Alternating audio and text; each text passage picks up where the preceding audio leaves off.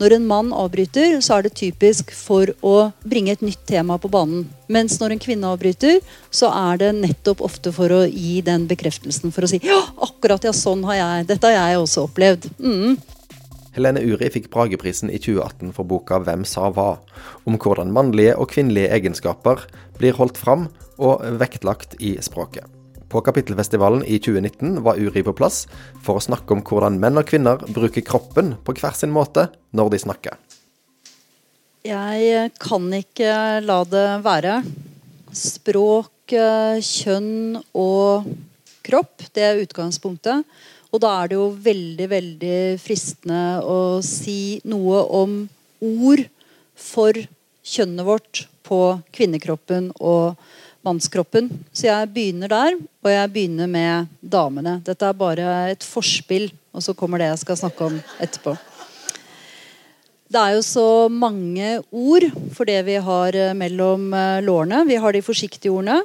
Som der nede og nedentil og skjødet og underliv og det du vet. Eh, og vi har de medisinske, som eh, vagina, vulva, genitaliene. Og så har vi de fargeløse, de som man tyr til når alt annet føles eh, upassende.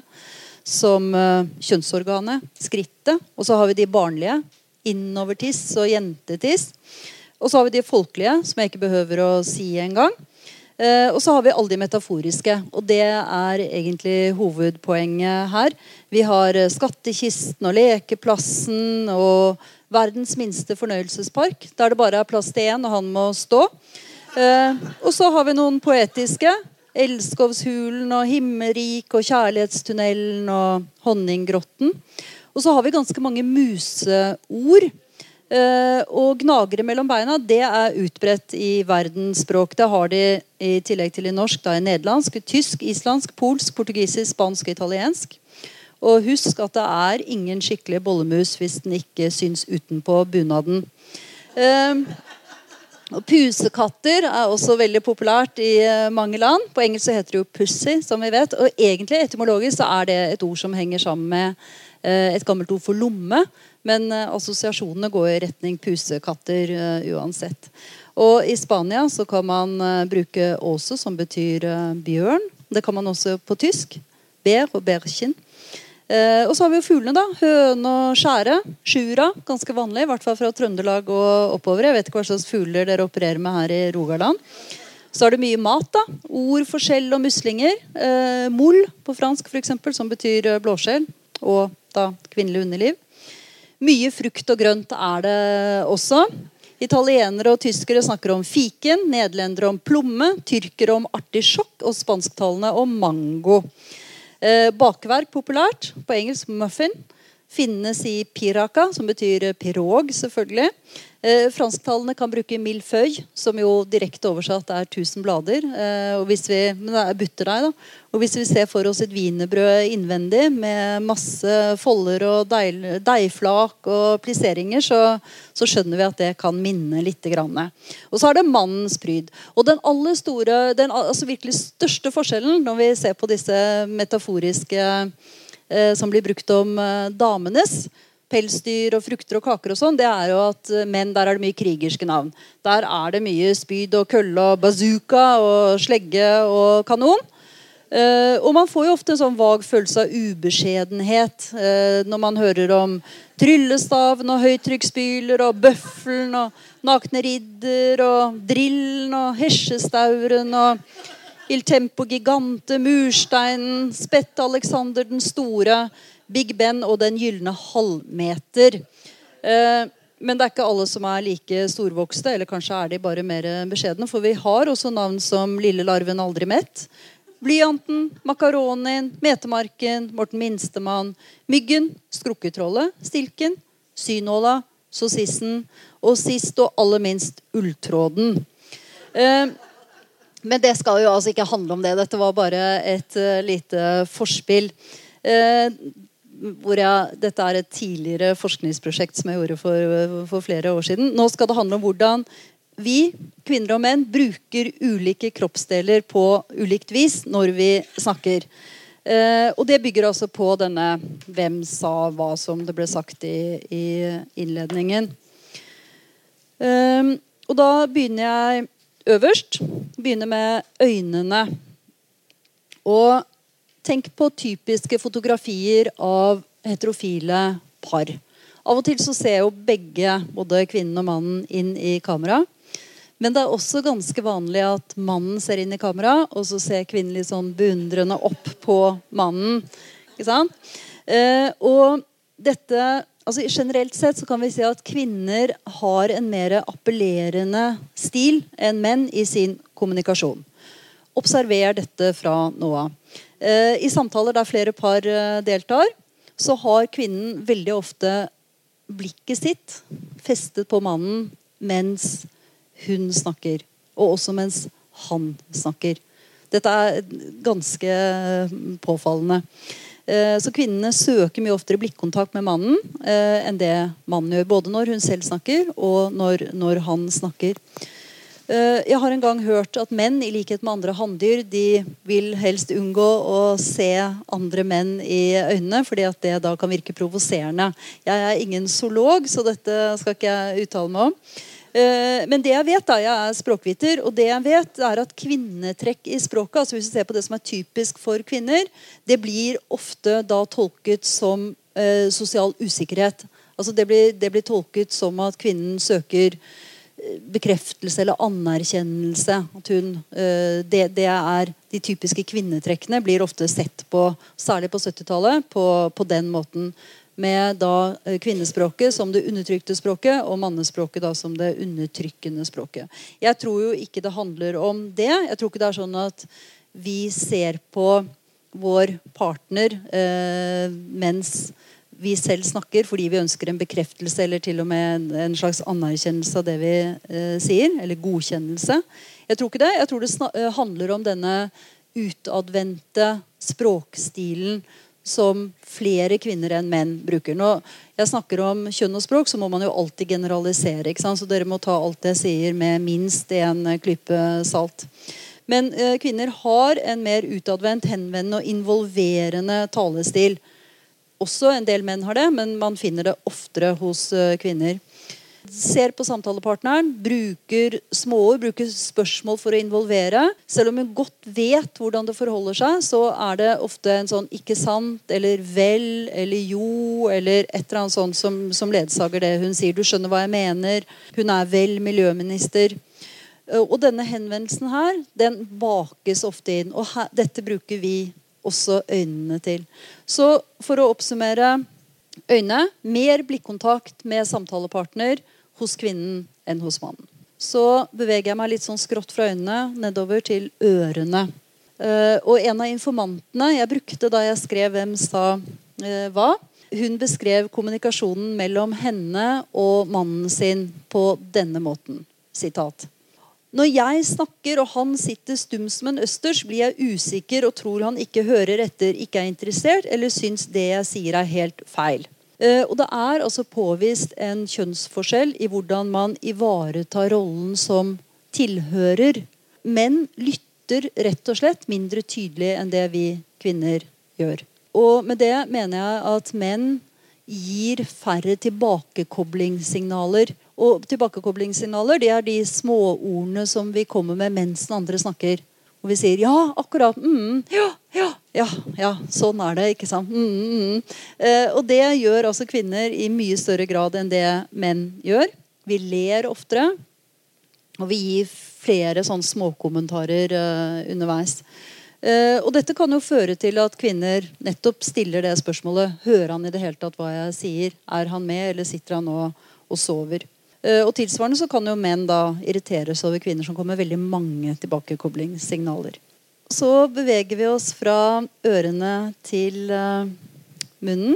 Og da handler det om å snakke i munnen på hverandre. Altså det som heter overlapp. Det at man snakker samtidig. Det vi vet da, det er at når både kvinner og menn avbryter, og forskningen er ganske delt på hvem som avbryter mest, men det vi kan si, det er at intensjonen med avbrytelsene er faktisk annerledes, tyder forskningen på. Når en mann avbryter, så er det typisk for å bringe et nytt tema på banen. For å si noe nytt. Mens når en kvinne avbryter, så er det nettopp ofte for å gi den bekreftelsen. For å si ja, akkurat ja, sånn har jeg. Dette har jeg også opplevd. Mm. Og ofte så snakker I rene kvinnesamtaler så er det mye overlapp hvor man snakker i munnen på hverandre. rett og slett. Så det er mer overlapp i kvinnesamtaler enn i rene mannssamtaler. Og vi opplever jo dette da som engasjement, involvering. Og det betyr jo at hvis den samtalepartneren vår er stille, så vil jo vi oppleve det som eh, litt sånn avvisende. Er, er, eh, er, altså uinteressert, en uinteressert eh, tilhører. Jeg vet at jeg har en tendens til å fullføre replikker for uh, venninner og døtre og ektemann. Jeg tror jeg vet hva de er i ferd med å si, og så sier jeg det for dem. da. Ja, dette kan jo være ganske uh, irriterende, selvfølgelig. Mm for å oppsummere munn. uh, menn avbryter, altså Både kvinner og menn avbryter. Menn avbryter mer for å bringe et nytt tema på banen. Kvinner avbryter oftere for å støtte opp. For å være, være veldig engasjert og involvert i det, i det, den andre sier. Ny kroppsdel. Da har vi kommet til uh, tungen. Og det skal dreie seg om en ikke hørbar forskjell, men en synlig forskjell. Uh, nemlig tungespissblotting. Uh, for det er nemlig noen som viser frem tungespissen når de snakker. Og dette er særlig når vi sier dentaler, altså de lydene som vi sier ved å presse tungen mot baksiden av fortennene. Altså D og N og L. T. Uh, og dette er veldig tydelig hvis man har flere dentaler etter hverandre. Så hvis dere alle sammen nå prøver å si mandel, f.eks. Mandel, og så kan dere kjenne etter hvor dere har eller endelig, hvor dere har tungespissen. For da er det noen som holder den bak fortennene, mens andre da stikker den frem. Og Her er det en veldig klar uh, kjønnsforskjell. Og det er også en generasjonsforskjell. Dette finner man mer hos yngre enn hos, uh, hos eldre språkbrukere. Men det er også mange mange flere kvinner som er tungespissblottere. Og det kan uh, dreie seg om ganske store deler av tungen. Halvannen centimeter stikker da de mest ekstreme tungespissblotterne ut. Tenk Britney Spears, hvis dere ikke skjønner hva jeg mener. Okay, da kommer det en liten sånn rosa tungespiss uh, smetter ut og inn. Og Dette er altså mye vanligere hos kvinner enn hos menn. Og det er ingen kroppslige årsaker til dette. Det er ikke sånn at vi har mindre plass i munnen til tungen vår. eller noe sånt nå. Så det må være andre grunner. Og jeg vil bare invitere dere til å tenke over hvilke det kan være. Så flytter vi oss videre fra tungen til halsen, eller til stemmebåndene.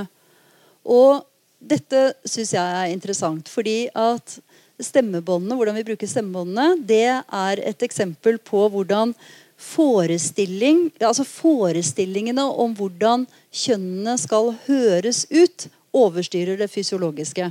For det er altså sånn at, at menn har lengre stemmebånd enn kvinner. Eh, og derfor har de et altså De snakker dypere. ikke sant? De har dypere stemme. Sånn er det. Og så er det betydelige variasjoner her. sånn at Det er jo ikke vanskelig å finne menn som har lysere stemmeleie enn en kvinner, og kvinner som snakker med dypere stemme enn menn. Men sånn jevnt over så snakker jo menn som vi vet med dypere stemme enn en kvinner. Og så er det sånn at denne forskjellen i stemmebånd den kommer ikke før barna kommer i puberteten. Før det så er stemmebåndene hos barna like. Likevel så snakker små gutter med dypere stemme enn små jenter. Så det er altså våre forestillinger om hvordan eh, gutter og jenter skal høres ut, som da overstyrer da det fysiologiske. Så det syns jeg er ganske interessant. Og så eh, til den neste aktuelle kroppsdelen. Det er beina. For språk er jo ikke bare ord og stemme. Språk er jo også det ikke-verbale kroppsspråket. Og vi vet jo at uh, menn de har en tendens til å De er jo litt mer sånn plasskrevende enn hos damer. De er liksom litt mer sånn, ikke sant? Og dette Dette er det jo et eget ord for. Det heter jo manspreading.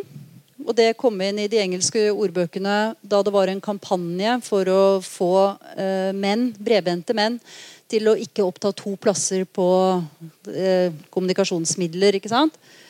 Eh, jeg skal ikke gå inn på den debatten, og heller ikke den påfølgende debatten som handlet om eh, det damer gjør. da.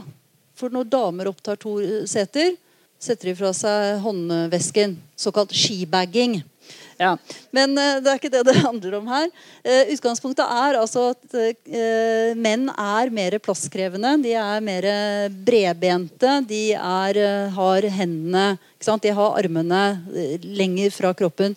Mens kvinner er mer samlet. Tar mindre plass, rett og slett. Og her er det undersøkelser som viser at kvinnene fysisk da retter seg etter hvilke kjønn de snakker med. Altså Kvinner som snakker med kvinner, er mer avslappet i sin positur. Hvis det da kommer en mann inn i samtalen, så blir de straks mer samlet. Mens menn har den samme plasskrevende posituren uansett om de snakker med damer eller menn. De forandrer ikke sin, uh, sin positur i det hele tatt. Så dette var litt om hvordan uh, man bruker kroppsdeler forskjellig uh, når vi snakker. Og så er det også sånn at Kroppene gjør seg jo også gjeldende når vi blir omtalt. Og jeg har lyst til å si noe om en, eh, en norsk eh, undersøkelse. For det er nemlig sånn, Jeg kan begynne med å sitere fra Aftenposten. Den høye, slanke og modige Susanne Brøgger, skriver Aftenposten. Hun er et feministikon. Og dette er jo på en måte litt rart at man trekker frem beskrivelse av kroppen til et, uh, fem, en feminist uh, eller et feministikon.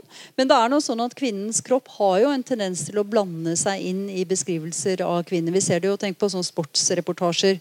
Mye om kroppen til kvinnelige idrettsutøvere. Mye mer enn det er om mannlige idrettsutøvere.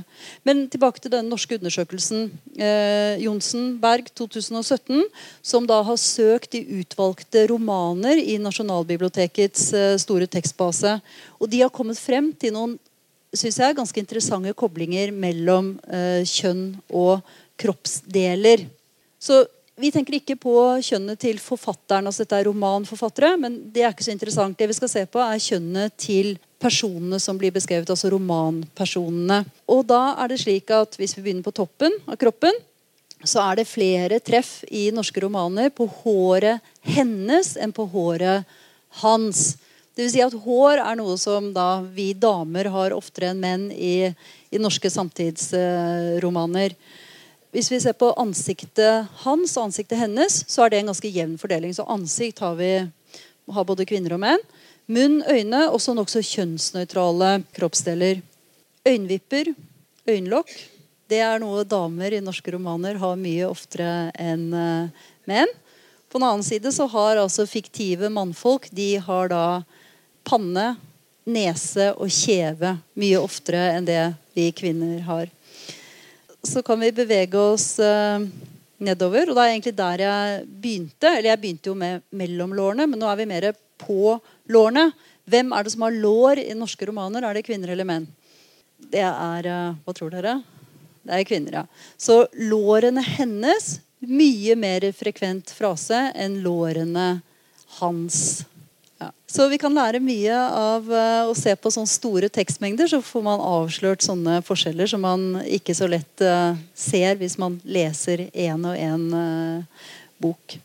Så da er jeg der jeg begynte. Jeg begynte mellom lårene. Nå avsluttet jeg med lårene hennes. Og vi har gjennomgått uh, kroppsdelene. Ringen er uh, sluttet, og tiden er uh, ute. På nøyaktig 1750. Hæ? Det var perfekt. Ja.